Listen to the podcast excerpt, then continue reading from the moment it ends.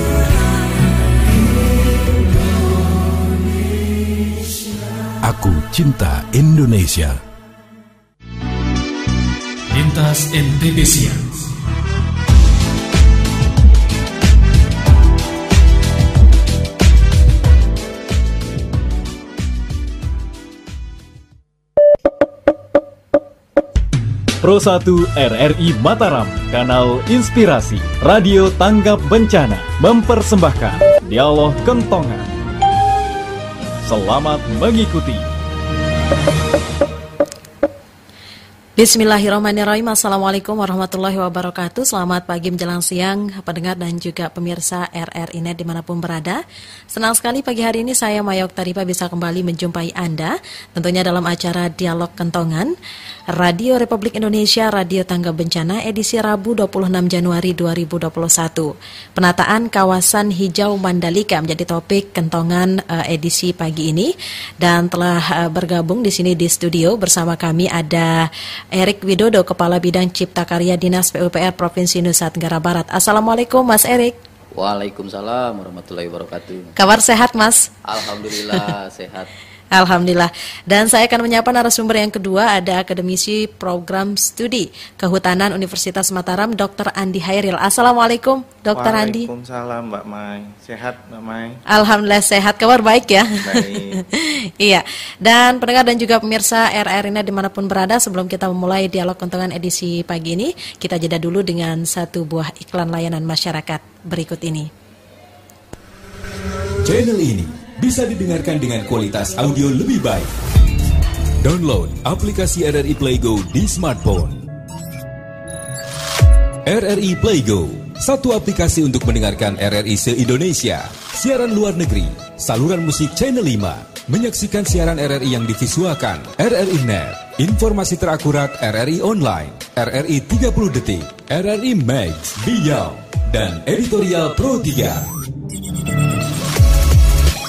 Selamat datang di era digital RRI. Kini, mendengar, menonton, dan membaca berita cukup di satu aplikasi. RRI Playgo.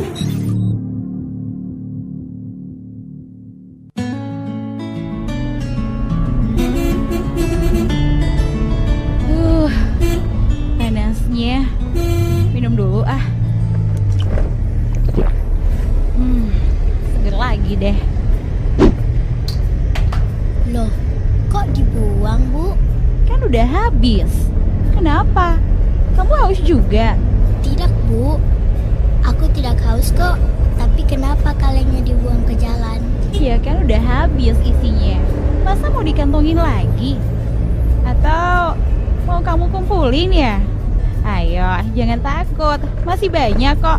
Ini? Bukan takut, Bu. Tapi Malu dong sama tempat sampah di samping ibu.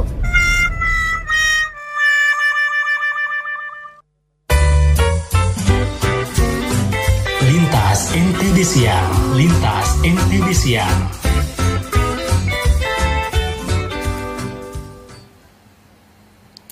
Ya, terima kasih pendengar Anda masih bergabung tentunya dalam acara Dialog Kentongan edisi Rabu 26 Januari 2022. Nanti bagi Anda yang ingin bergabung bisa melalui 0818 02056000 atau bisa juga melalui Facebook Pro 1 Mataram dan juga kanal YouTube RRI Mataram Official. Saya langsung memulai ke narasumber yang pertama, Pak Erik Widodo selaku Kepala Bidang Cipta Karya Dinas PUPR Provinsi Nusa Tenggara Barat.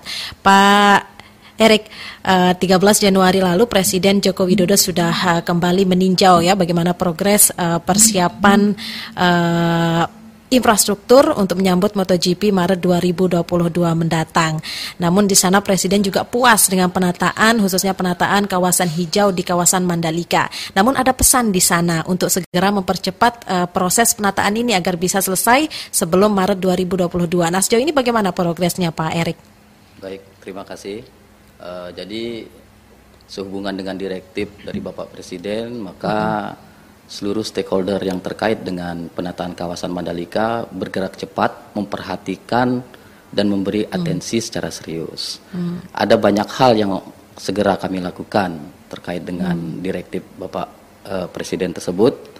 Yang pertama, ini kita melakukan penataan yang kami sebut dengan penataan koridor, hmm. koridor uh, Kuta Mandalika penataan itu kita mulai dari bundaran uh, Bil ya hmm. bundaran Bil sampai ke bundaran Sunggung hmm. dari bundaran Sunggung kemudian kita lanjutkan lagi ke uh, bundaran kita tanami dengan tanaman ketapang kencana hmm. kita juga melakukan penanaman tabe buya di situ hmm. ya dan uh, berbagai jenis vegetasi lainnya terkait dengan uh, ada apa namanya uh, titik yang di tengah itu yang di kilometer 11 uh, kilometer 11 bypass hmm. uh, Bill Mandalika di yang kita sebut sebagai Bukit Jokowi yang ada tulisan bypass Mandalika itu Hmm? itu kami melakukan penanaman eh, rumput ya di di tebing tersebut dengan menggunakan teknologi geomet. Ya, jadi dengan teknologi geomet tersebut dimungkinkan di eh, bukit batu tersebut nantinya akan ditanami rumput atau sejenis kacang-kacangan sehingga nanti di situ wilayah tersebut kita pastikan akan hijau begitu Mbak. Hmm. Tidak menyalahi aturan karena rumput yang ditanam begitu. Oh tidak, tidak. Mm-mm. Kalau menjadi fokus penghijauan kita, penataan penghijauan kita di daerah mana saja selain yang tiga tadi itu?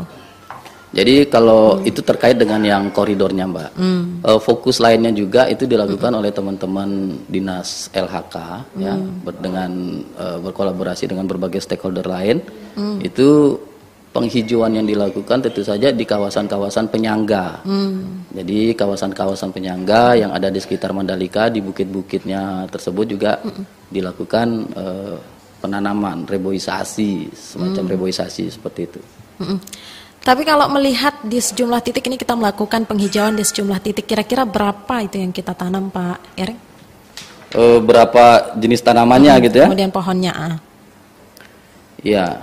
Kalau Iya. kalau jenis pohonnya, jenis tanamannya tadi seperti sudah saya sampaikan di situ ada apa namanya? Ada ketapang kencana, ada tabebuya, ada bougainville. Tapi kalau jumlahnya saya belum bisa, saya belum punya datanya ini Mbak, berapa data keseluruhan terkait dengan jumlahnya. Iya. Mm. Iya baik. Dan pendengar kami masih membuka ruang diskusi untuk Anda ingin bergabung bisa melalui 0818 02056000 atau bisa juga melalui Facebook Pro 1 Mataram dan juga kanal YouTube RRI Mataram Official. Saya ke Pak Andi Hairil terlebih dahulu. Ini Pak Andi sebagai salah satu akademisi melihat eh, langkah penataan penghijauan yang dilakukan ini apakah sudah tepat atau bagaimana? Ya, Mbak Maya, jadi kalau dari perspektif lingkungan, saya pikir inisiatif ini sudah sangat baik. Hmm. Nah, dalam konteks pengelolaan kawasan, ini menjadi bagian dari penunjang ya, penunjang yang sifatnya strategis dalam kerangka mendorong nilai atraksi dari kawasan ekonomi khusus pariwisata Mandalika khususnya. Iya. Nah, dari perspektif tepat tidaknya, ini kita bisa melihat dari sisi eh, apa namanya motivasinya dulu. Jadi dalam konteks penghijauan itu ada beberapa motivasi yang harus dipertimbangkan, Mbak Maya. Jadi yang pertama apakah tujuan penghijauan ini murni untuk estetika atau misalnya dalam konteks yang berikutnya ada juga yang misalnya untuk penepis cahaya silau misalnya kan gitu ya. Kayak kasus misalnya bypass bill ini kan itu semua di kiri kanan jalan itu ditanamin trem besi kan median Ya. jalan trem besi. Itu bagian dari dari apa namanya salah satu uh, jenis manfaat tumbuhan yang bisa dimanfaatkan untuk satu penepis cahaya silau kemudian di sisi yang lain juga manfaat lain dari trem besi itu adalah dia bisa mencoba ya mencoba mengameliorasi ap- iklim apa iklim lokal gitu. Jadi eh, mengatur kondisi suhu. Jadi kalau saat ini kita lewat bypass Bill Mandalika itu kan masih cukup panas ya. Iya. beda rasanya dengan kita lewat bypass eh, nar- apa ya yang ini yang jalur ke bandara. Nah itu itu salah satu fungsi-fungsi jenis tanamannya. Nah kalau untuk estetika sebenarnya yang bisa kita tanam mungkin tanaman-tanaman yang sifatnya tanaman-tanaman hias gitu. Atau juga bisa menggunakan kalau memang kedua-duanya kita bisa menggunakan pola kombinasi. Tadi Mas Erik menyampaikan dari tiga titik koridor ini untuk di median jalan itu kan akan ditanami mungkin dengan jenis-jenis tanaman Estetik. eh, tanaman-tanaman estetik tadi. Jadi ini akan mau apa namanya dari sisi eh, keindahan ini cukup baik. Nah, Iya. cuman mungkin untuk diturus-turus jalan nanti itu mungkin dipasangin untuk tanaman-tanaman yang sifatnya akar keras ya supaya eh, seperti kasus yang besi. Saya lihat kemarin ada di jenis-jenis tanaman salah satunya memang ada terem besi, ada flamboyan yang dimasukkan, kemudian ada tabebuya, ada ketapang kencana yang di- dimasukkan oleh teman-teman di sisi lain untuk tanaman-tanaman tanaman hiasnya saya lihat ada bougainville ya. Bougainville, Nah, betul. bougainville ini cukup banyak. Saya, saya ketika saya baca media itu Iya. ada sekitar 1600. 1600. Nah itu. Nah jadi ini kalau saya lihat semangat yang ingin ditonjolkan di dalam mendorong nilai apa estetika atau ruang terbuka hijau di Mm-mm. kawasan Mandalika ini lebih pada kombinasi antara estetik dengan ekologisnya nih. Iya. Nah, mm. Oke, Pak dosen. Tapi kalau kita melihat dari kalau murni tujuannya untuk estetika ini dampaknya kepada masyarakat apa? Nah, Mm-mm. jadi ini harus dibahas secara komprehensif sih Mama ya Hmm. karena begini. Iya. Apa ya? Artinya harus ada common perspektif dulu antara pemerintah dengan masyarakat terkait dengan tujuan jangka panjang dari penghijauan ini. Hmm. Jangan sampai kayak kita kasus kemarin ya, kasus kemarin itu misalnya banyak sekali tagline di berita yang mau 60% tanamannya hilang kan gitu ya. nah, ini ini ini jadi persoalan. Artinya apa? Jadi ada persoalan sosial. Jadi harus Hmm. ada edukasi, ada ada ha- apa ya harus ada upaya untuk membangun kolektif awareness lah ya Hmm. kesadaran kolektif bahwa dalam konteks jangka Iya. panjang penghijauan ini akan memberikan multi manfaat. Salah satunya adalah menambah daya tarik dari kawasan KIK Mandalika sendiri dan bisa menjadi atraksi baru atraksi tambahan dari dari wisatanya. Nah tapi kalau itu nggak diedukasi susah juga. Karena ketika maaf maaf misalnya Mas Erik dan teman-teman kan gitu ya ketika mereka melihat wah ini tabebuya nih cantik nih mahal harganya nih hari ini ditanam besok dicabut sama mereka. Nah ini juga artinya begini se- sekeras apa pun upaya pemerintah untuk menghijaukan kawasan itu kalau tidak didukung dengan penyadaran dan eh, keinginan untuk melestarikan kawasan itu dari masyarakat juga akan sulit untuk dicapai gitu itu sih catatannya Iya. Tapi kalau melihat eh, tadi eh, ada tiga tujuan dari penanaman penghijauan itu. Kalau melihat mana yang lebih didahulukan, apakah estetika atau dua tujuan yang lain tadi, Pak Andi? Iya, kalau saya melihat Yang lebih penting dari, gitu. Kalau dilihat dari komposisi tanamannya, kelihatannya memang lebih fokus ke estetik sebenarnya, Hmm. lebih fokus ke estetik. Tapi sebaiknya mana yang didahulukan begitu dalam langkah penghijauan, penataan penghijauan? Ya, jadi kalau saya semuanya harus balance, mbak. Hmm. Jadi untuk median jalan eh, tergantung tempatnya ya. Jadi kalau Hmm. ruang terbuka hijau itu tergantung lokasinya. Jadi jadi kalau kasus koridor di mana ini adalah adalah jalur lalu lalang orang, maka yang harus ditonjolkan adalah kebutuhan estetisnya. Hmm. Tetapi di sisi lain untuk menghindari potensi bencana run off tadi ya dan longsor dan yang lain-lain, maka di punggung-punggung bukit apalagi kita, kita ketahui kawasan Mandalika kan kawasan yang Iya. berbukit. Ini paling tidak harus dibangun eh, gerakan penghijauan yang sifatnya tanaman-tanaman yang apa ya eh, semacam tanaman-tanaman keras yang bisa memberikan kontrol terhadap eh, penga- apa ya aliran air, kemudian juga memperkuat ah, apa struktur dan tekstur tanah yang ada di sana. Jadi eh, kelihatannya harus balance gitu. Karena jangan sampai Mbak Maya Iya. kita khawatir gini di median jalan ditanamin apa namanya ditanamin eh, Tanaman tanaman, estetis, estetis. kan gitu ya tapi nanti di sisi-sisi jalan ketika hujan turun akan terjadi pergerakan tanah longsor dan yang lain-lain Akhi- akhirnya apa estetis itu eh, tenggelam dengan keluhan-keluhan itu jadi kalau Iya. boleh ini eh, saya menyarankan supaya semuanya bergerak secara kolektif. Jadi pemerintah bergerak secara kolektif berdasarkan porsinya masing-masing. Mungkin LHK di bagian kawasan penyangga tadi harus dioptimalkan dengan sektor lainnya. Teman-teman yang konsen dinas pertamanan dan PUPR misalnya itu fokus pada bagaimana penataan estetisnya. Kemudian juga masyarakat juga ini harus Iya. diedukasi gitu. Karena ini kita bicara tentang investasi jangka panjangnya sih sebenarnya, Mbak Maya. Itu sih yang jadi jadi jadi catatan pentingnya. Iya, baik. Dan pendengar kami masih membuka ruang diskusi untuk Anda ingin bergabung bisa melalui 0818 0256000 atau bisa juga melalui Facebook Pro 1 Mataram dan juga kanal YouTube RRI Mataram Official dan sudah ada yang komen di sini sudah ada yang bergabung melalui kanal YouTube dari Ahmad Sakurniawan. Bukit di jalan bypass ada yang tapak hijau dan coklat lantaran dilakukan pengerukan dan dipasang pelang sehingga mengurangi keasliannya. Bagaimana menanggapi itu? Nah, mungkin pertanyaan lebih kepada eh, Pak Kabit ini. Ya. Ah, silahkan Pak Erik. Jadi saya ini eh, sebelum menjawab ini saya ingin menambah sedikit tadi penjelasan saya di awal. Heeh, Tadi silakan. seperti yang sudah dijelaskan oleh eh, Pak Andi. Pak Andi ya, bahwa eh, konsep penghijauan yang dilakukan di kawasan Mandalika ini kita berbicara skala kawasan. Kalau apa yang saya jelaskan tadi itu kan kita berbicara eh, penataan koridornya, bagaimana kemudian di sepanjang koridor eh, bypass Mandalika sampai ke Kuta itu ya kita buat dia hijau royo-royo. Sehingga yang kami kedepankan adalah konsep estetikanya. Maka pilihannya adalah vegetasi-vegetasi yang secara eh, bentuknya itu juga memiliki nilai estetik Tetapi terkait dengan penghijauan kawasan, tentu saja eh, pemerintah sudah sudah bergerak secara komprehensif. Di sini terkait dengan hal tersebut, ya kami punya data dari teman-teman dinas lingkungan hidup dan kehutanan bahwa kegiatan penghijauan yang dilakukan oleh mereka itu terdiri dari kegiatan di luar kawasan hutan dan di dalam kawasan hutan. Maka yang dimaksud dengan Pak Andi tadi terkait dengan konsep vegetasi untuk men- mendukung ekologi itu juga dilakukan.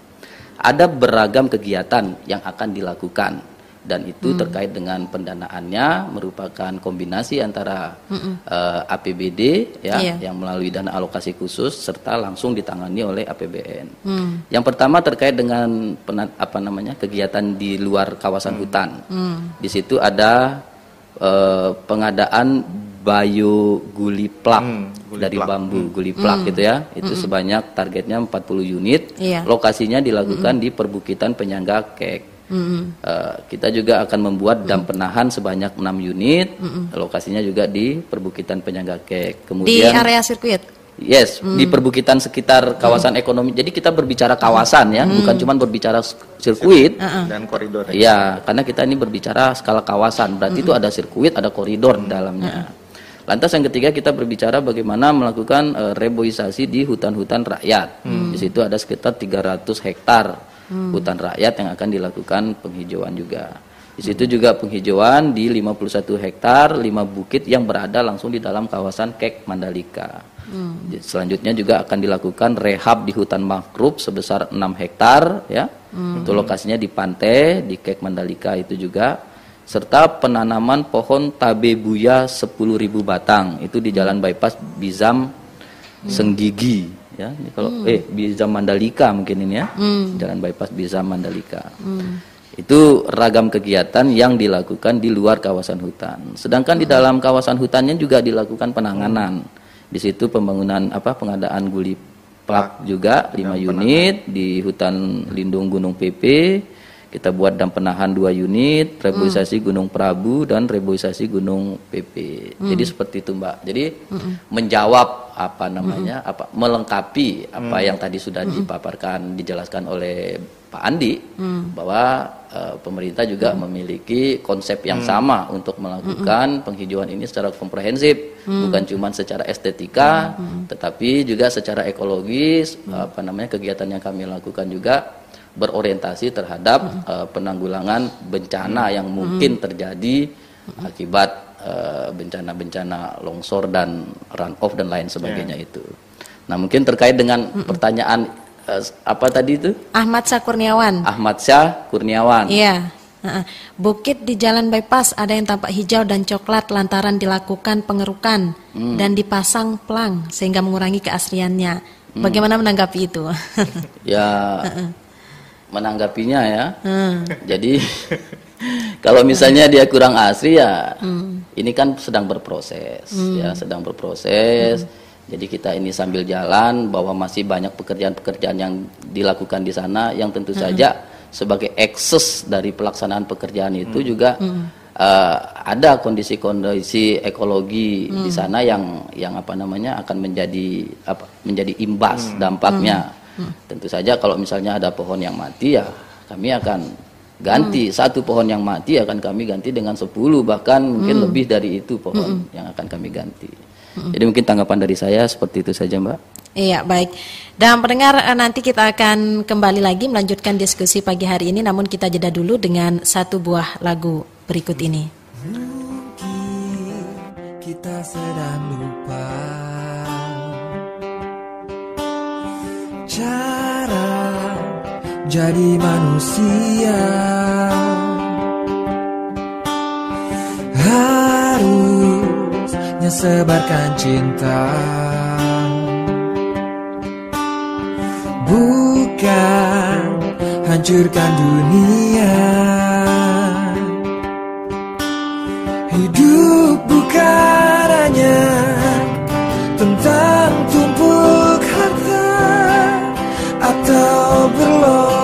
Jadi penguasa. Apalah artinya kita tanpa semesta? Lindungilah satu rumah kita.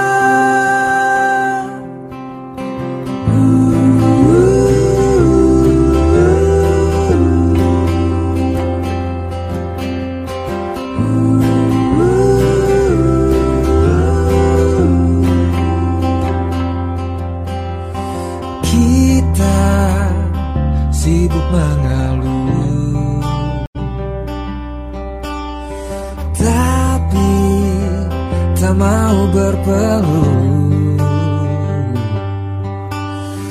Kita sibuk menyalahkan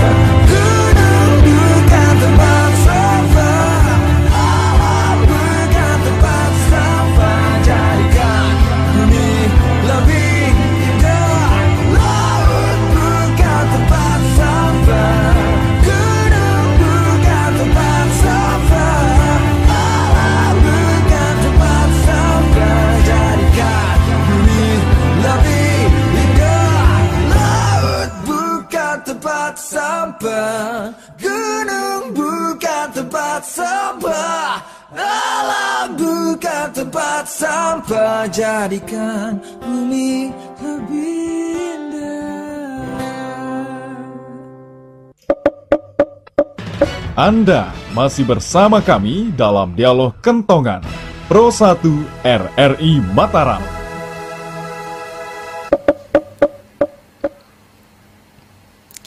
Ya, terima kasih pendengar Anda masih bergabung tentunya dalam acara Dialog Kentongan Radio Republik Indonesia Radio Tangga Bencana edisi Rabu 26 Januari 2022. Eh, masih melanjutkan diskusi yang tadi saya eh, ke Pak Andi terlebih dahulu. Ah, ah.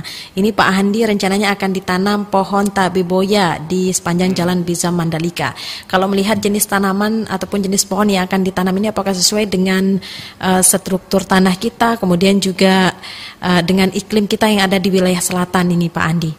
Ya, eh, baik Mbak Maya. Jadi kalau kita berbicara tentang kegiatan penghijauan, sebenarnya ada beberapa perilaku apa ya perlakuan lah ya perlakuan yang bisa kita terapkan di dalam eh, teknis penghijauan.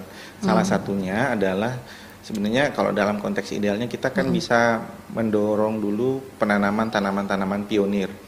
Nah, tanaman pionir ini biasanya untuk meng, apa ya kalau bisa disebut mengakselerasi uh, stre- tekstur dan struktur tanah yang ada di sana gitu. Termasuk juga mem- membangkitkan kembali unsur hara yang ada. Nah, kemudian setelah itu, setelah tanaman pionirnya tumbuh, kemudian baru disusul dengan tanaman-tanaman yang sifatnya tanaman pokok. Nah, tanaman pokok estetis itu kan pilihan yang ditetapkan oleh teman-teman di provinsi adalah atau di teman-teman kementerian adalah tabebuya, ketapang kencana, kemudian ada flamboyan dan yang lain-lain kan gitu. Nah, Nah, itu jadi jadi jadi jadi ada prakondisi, ada perlakuan. Nah, di sisi lain memang bahwa kita ini sekarang dihadapkan pada kondisi yang extraordinary ya. Artinya apa? Bahwa uh, semua harus bergerak kan gitu ya semua harus Mm-mm. bergerak semua harus tertata dalam waktu yang cukup singkat nah ini Iya. juga jadi sehingga harus ada perlakuan-perlakuan nah sekarang dalam konteks ini yang dihadapi dalam persoalan eh, kita adalah sekarang Hmm. adalah bagaimana kita bisa memastikan agar tanaman itu Hmm. dapat tumbuh dengan baik dan aman Hmm. nah itu challenge yang yang besar karena investasi untuk menanam tap ketapang kencana saja itu Hmm. sudah cukup besar apalagi juga dengan tabebuya dan yang lain-lain. Hmm. Nah, kita khawatir kalau misalnya ini tidak dilakukan Hmm. semacam edukasi, kemudian perlakuan yang khusus, pembagian peran dan tanggung jawab di masing-masing sektor Hmm. untuk bisa memastikan ini tanaman aman dan Hmm. apa namanya? eh, tumbuh ini Hmm. akan berpotensi pada kegagalan dalam konteks menanam gitu. Nah, itu jadi jadi jadi sebenarnya eh, tanggung jawab ini adalah tanggung jawab bersama untuk kita bisa memastikan tanaman itu bisa. Mm-mm. Jadi jangan sampai eh, setelah ditanam terus nggak diapa-apain sementara iklimnya di sana kan cukup kering lah istilahnya sehingga perlakuan penyiraman secara rutin itu penting. Nah, itu menjadi tanggung jawab siapa itu nanti bisa dibagi sharingnya. Kemudian untuk pengamanannya siapa yang akan bertanggung jawab pengamanan, siapa yang bertanggung jawab untuk mengedukasi, Mm-mm. Ya kan, nah ini ini pembagian peran dalam konteks mensukseskan kawasan hijau Mandalika ini menjadi penting untuk di didorong bersama. Jadi kalau semua diserahkan ke dinas PUPR sendiri, udah gempor ke, eh, dinas PUPR kan gitu. ya. Iya. Nah itu belum lagi kalau misalnya ada kayak kasus sekarang musim hujan, Mbak Maya. Hmm. Musim hujan, ini kita akan bisa pastikan akan ada kan gitu ya Hmm. aliran air yang akan turun ke badan-badan jalan kan gitu ya. Iya. Nah, karena ini sekarang bukan dalam kondisi stabil, kan kita masih Hmm. dalam tahap konstruksi, Konstruksi. ini, Hmm. ya kan gitu. ya. Jadi intervensi yang dilakukan selama ini itu mungkin akan kita rasakan hasilnya mungkin tiga atau empat tahun yang akan datang. Hmm. Nah, sistem vegetasi, fungsi akar yang optimal itu ketika sudah eh, biasanya pohon itu akan berfungsi optimal ketika umurnya 3 sampai 4 tahun gitu fungsi perakarannya. Kalau sekarang Iya. ditanya ini ini harus sama-sama saling jaga ini sebenarnya. Karena kalau habis tanam terus habis itu dilepas, Iya. wah, susah gitu. Itu sih Mbak Maya. Nah, iya, dan sudah ada komen di live chat ini pohon sepanjang jalan bypass juga banyak yang gersang. Ini Ahmad Sakurniawan lagi. Nah, gimana solusinya ini mungkin bisa dijawab Pak Andi? Ya, Hmm. ah, sebenarnya banyak ya. Jadi sebenarnya banyak ah, teknik-teknik silvikultur istilahnya yang bisa kita pakai. Tetapi memang sekali lagi ah, pendekatan teknis kalau di kita ah, sudah tuntas sebenarnya Mbak Mai. Jadi Iya. kita bisa menggunakan ada namanya water jelly itu, ya kan untuk kawasan-kawasan yang iklimnya kering itu kita kita bisa pakai untuk itu. Kemudian juga di sisi lain ada kom- komposisi penyiraman yang teratur kan gitu. Karena tidak setiap kan- dan waktu-waktu penyiraman juga harus dilihat gitu. Nah, apalagi kita ketahui bersama bahwa kawasan KEK Mandalika ini kan masuk dalam kategori iklim yang cukup kering, sehingga ini juga harus bisa dikontrol. Nah, pertanyaan yang terbesarnya adalah bagaimana kita bisa menggerakkan teman-teman yang apa namanya di sektor-sektor lain untuk sama-sama melihat gitu. Jadi jangan sampai hanya tanam terus habis itu selesai. Nah, tapi bagaimana tanggung jawab pemeliharaannya, kemudian bagaimana tanggung jawab mengamankan uh, tanaman-tanaman itu? Karena Iya. Kita tidak menutup mata bahwa tanaman-tanaman ini punya nilai ekonomis yang tinggi. Sehingga ketika dia apa tumbuh cantik kan gitu ya ini akan jadi sasaran yang empuk buat orang-orang yang tidak ber- bertanggung jawab. Nah, Iya. kalau tidak ada penyadaran itu akan sus, sus- apa ya sulit sih. Makanya mudah-mudahan bisa disupport lah. Jadi pemerintah provinsi pemerintah pusat termasuk juga pemerintah kabupaten eh, harus ikut eh, kerja bareng lah di dalam gerakan Terlibat. penataan ini Iya. Nah, dan pendengar kami masih membuka ruang diskusi untuk Anda yang ingin bergabung bisa melalui 0818 02056000 atau bisa juga melalui Facebook Pro 1 Mataram dan juga kanal YouTube RRI Mataram Official. Saya ke Pak Erik nih. Oke. Pak Erik ini kalau melihat situasi selatan Lombok eh, Tengah begitu ya, cenderung kering dan panas. Apa strategi kita untuk melakukan dalam melakukan penanaman ini? Strategi yang pas begitu.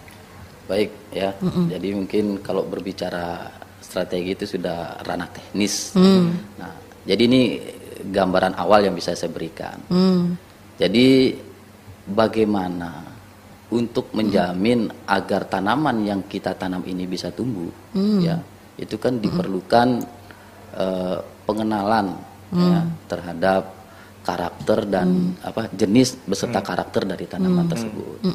Nah, strategi pertama yang kami lakukan itu tentu saja eh, kami memilih untuk memulai menanam ini bertepatan dengan musim hujan gitu Pak. Iya. Karena kan kunci tanaman itu Betul. untuk bisa tumbuh kan air, Air. air, kata kuncinya kan. Betul. Selain juga memang teknik penanamannya. Ya, Nah, untuk mengantisipasi air tersebut maka kami itu tadi kami melakukannya di musim, Musim hujan, hujan. ini. Jadi bahkan nanti setelah apa namanya? eh, setelah ditanam dan kemudian dia akan di apa mendapat intensitas air hujan yang tinggi ya harapan kami tentu saja ini akan bisa tumbuh.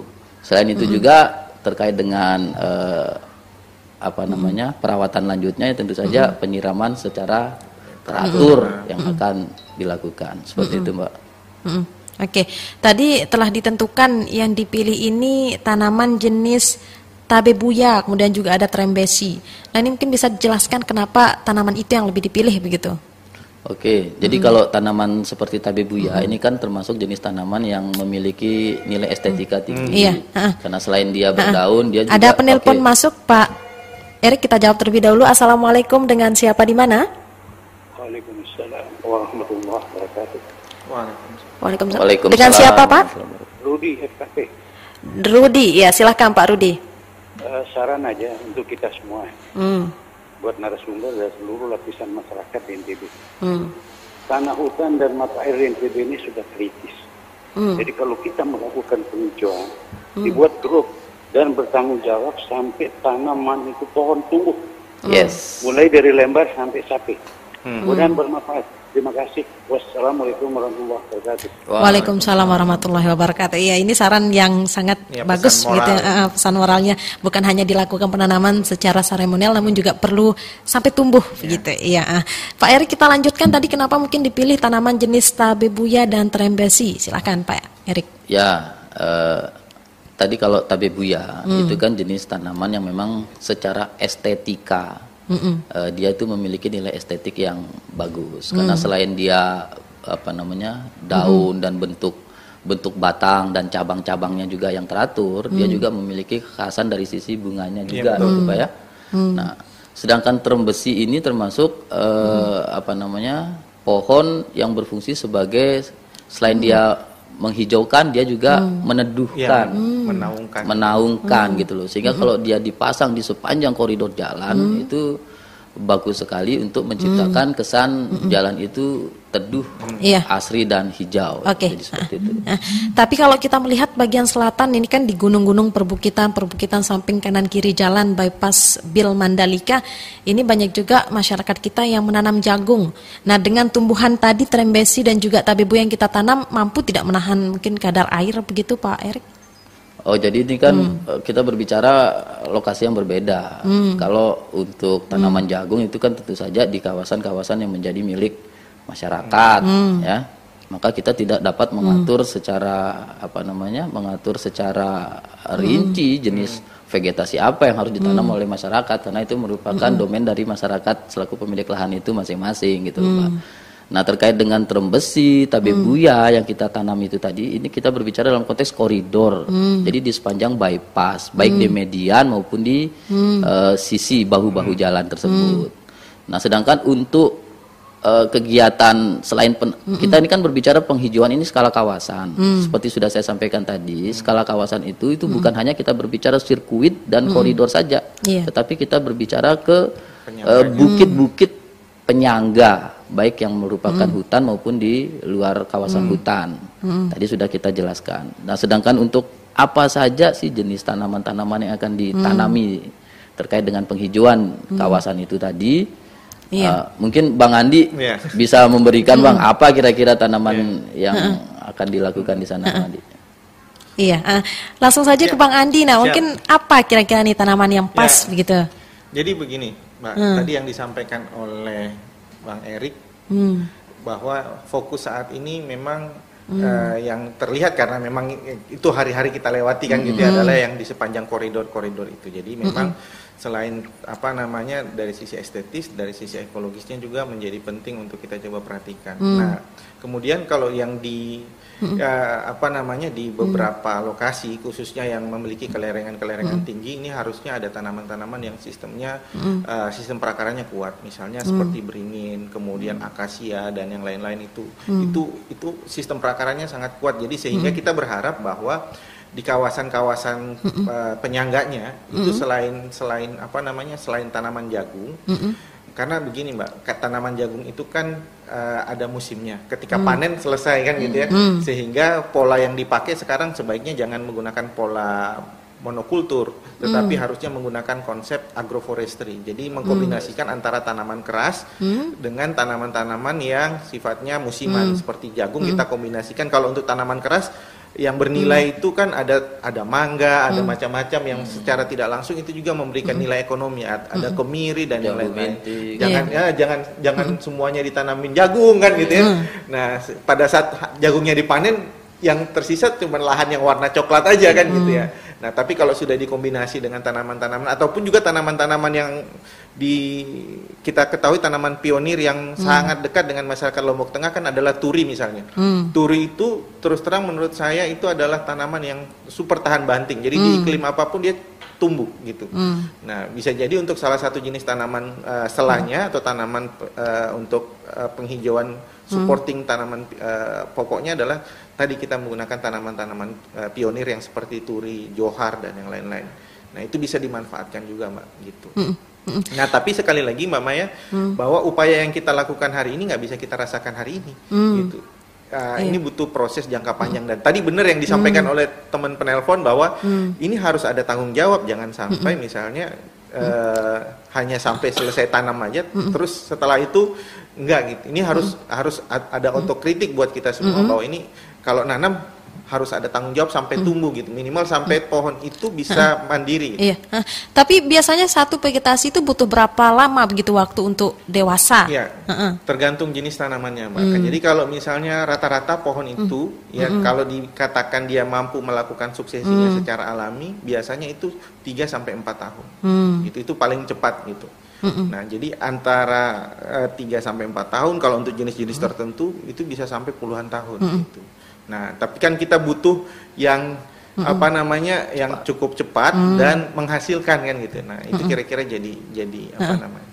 catatannya. Iya, ah, tapi ini juga di beberapa kawasan gitu ya di daerah di Indonesia bahkan di Jepang ini sudah melakukan penanaman ataupun perawatan pohon secara modern. Hmm. Dan ini kalau di Mandalika memungkinkan tidak Pak Andi? Oh sangat mungkin Hmm. mbak. Jadi ini uh, kalau saya sampaikan tadi bahwa kalau persoalan teknis ini kita sudah punya berbagai macam uh, Pilihan. pilihan dan ilmu teknologinya gitu. Iya. Sekarang tinggal komitmen dan kemauan kita untuk mewujudkan itu. Hmm. Jadi kalau di sana orang kupas pohon aja udah pakai mesin gitu ya Iya. teknologinya kan gitu ya. Kalau kalau termasuk juga ngangkat pohon bukan lagi pakai sistem tebang. Sa- Akar-akarnya diangkat kan gitu ya untuk memindahkan. Nah kalau di kita kan masih sistemnya uh, tradisional, tradisional. Nah tergantung dari. Jadi saya sampaikan tadi bahwa kalau dari intervensi teknologi eh, di ilmu-ilmu kayak saya ilmu kehutanan itu sudah bahkan sampai di lahan di relik di relik itu sampai tanah itu sudah tidak bisa menghasilkan unsur hara sama sekali itu masih bisa ditanami dengan teknologi-teknologi tertentu. Tapi persoalannya sekarang adalah bagaimana komitmen kita mengawal itu. Itu aja sih. Pak. Iya, baik. Dan pendengar kami masih membuka ruang diskusi untuk Anda ingin bergabung bisa melalui 0818 02056000 atau bisa juga melalui Facebook Pro 1 Mataram dan kanal YouTube RRI Mataram Official. Saya ke Mas Erik ini. eh, eh. Mas Erik kalau melihat penanaman yang kita lakukan saat ini kapan target tuntasnya kita? target tuntasnya ya Hmm. ya target tuntasnya tentu saja eh, pekerjaan ini akan kita upayakan tuntas sebelum pelaksanaan MotoGP. Sebelum Itu Maret berarti ya? sebelum Maret. Tapi ya ini ya kita maksimalkan lah seperti itu ya. Tapi untuk secara keseluruhan maka kita berbicara ini satu tahun anggaran 2022 karena ini kan kegiatan budgeter di mana anggarannya itu ada dari APBD dan APBN gitu kan. Dan ini bukan kegiatan kecil ini adalah kegiatan besar kegiatan besar. Sehingga kalau kegiatan besar itu tentu saja kita ada terikat dengan metode pengadaan barang dan jasanya juga gitu loh Pak. walaupun nanti dari secara eksekusinya juga uh, akan banyak penyesuaian-penyesuaian di lapangan. Mm-mm. Artinya penanaman kita saat ini hanya fokus eh, di koridor gitu, di koridor dari Iya. sirkuit atau ada juga untuk penanaman-penanaman di lingkungan eh, sekitar di daerah pendukung di kawasan Mandalika. Ya, jadi untuk Hmm. sekarang karena yang nampak ya, Hmm. yang nampak yang kita lalui sehari-hari, Hmm. tadi Bang Andi sudah sudah sudah menyampaikan yang kita lalui Hmm. sehari-hari Hmm. itu adalah di sepanjang koridor. Ya, Hmm. maka yang sebagai langkah awal ya kita lakukan di sepanjang koridor ini. Hmm. Tetapi untuk penataan-penataan secara kawasan di daerah-daerah penyangganya itu juga secara simultan juga kita lakukan. Hmm. Nah, seperti tadi yang sudah saya sampaikan tadi, bah- karena ini adalah kegiatan besar dan tentu saja kita apa namanya ada terikat dengan peraturan Hmm. eh, terkait dengan pengadaan barang dan jasa, ya Hmm. tentu saja kita timelinenya itu Hmm. mengikuti eh, mekanisme-mekanisme yang seperti yang sudah diatur. Iya, baik. Dan pendengar, eh, nanti kita akan melanjutkan eh, dialog kentongan edisi pagi ini, namun kita jeda dulu dengan satu buah iklan layanan masyarakat berikut ini. Waktunya kentongan. Indonesia mempunyai alat komunikasi tradisional yang terbuat dari bambu yang dipahat, digunakan untuk memberikan informasi kepada masyarakat sekitar sebagai tanda alarm, sinyal komunikasi jarak jauh, morse, bencana alam, tanda bahaya dan lain-lain. Apakah nama instrumen dari bambu yang dimaksud tersebut? A. Kentong B. Kolintang C. Kentongan Jawaban yang benar adalah C. Kentongan. Kentongan adalah alat yang digunakan untuk berkomunikasi yang masih terus digunakan oleh masyarakat Indonesia di berbagai daerah. Kentongan pada dasarnya digunakan untuk memberikan tanda kepada masyarakat di sekitar bahwa sedang terjadi sesuatu peristiwa. Pesan ini disampaikan oleh Radio Republik Indonesia.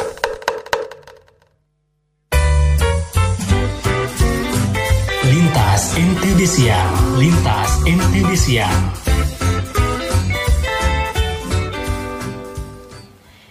Ya, terima kasih pendengar Anda masih bergabung tentunya dalam acara Dialog Kentongan edisi Rabu 26 Januari 2022.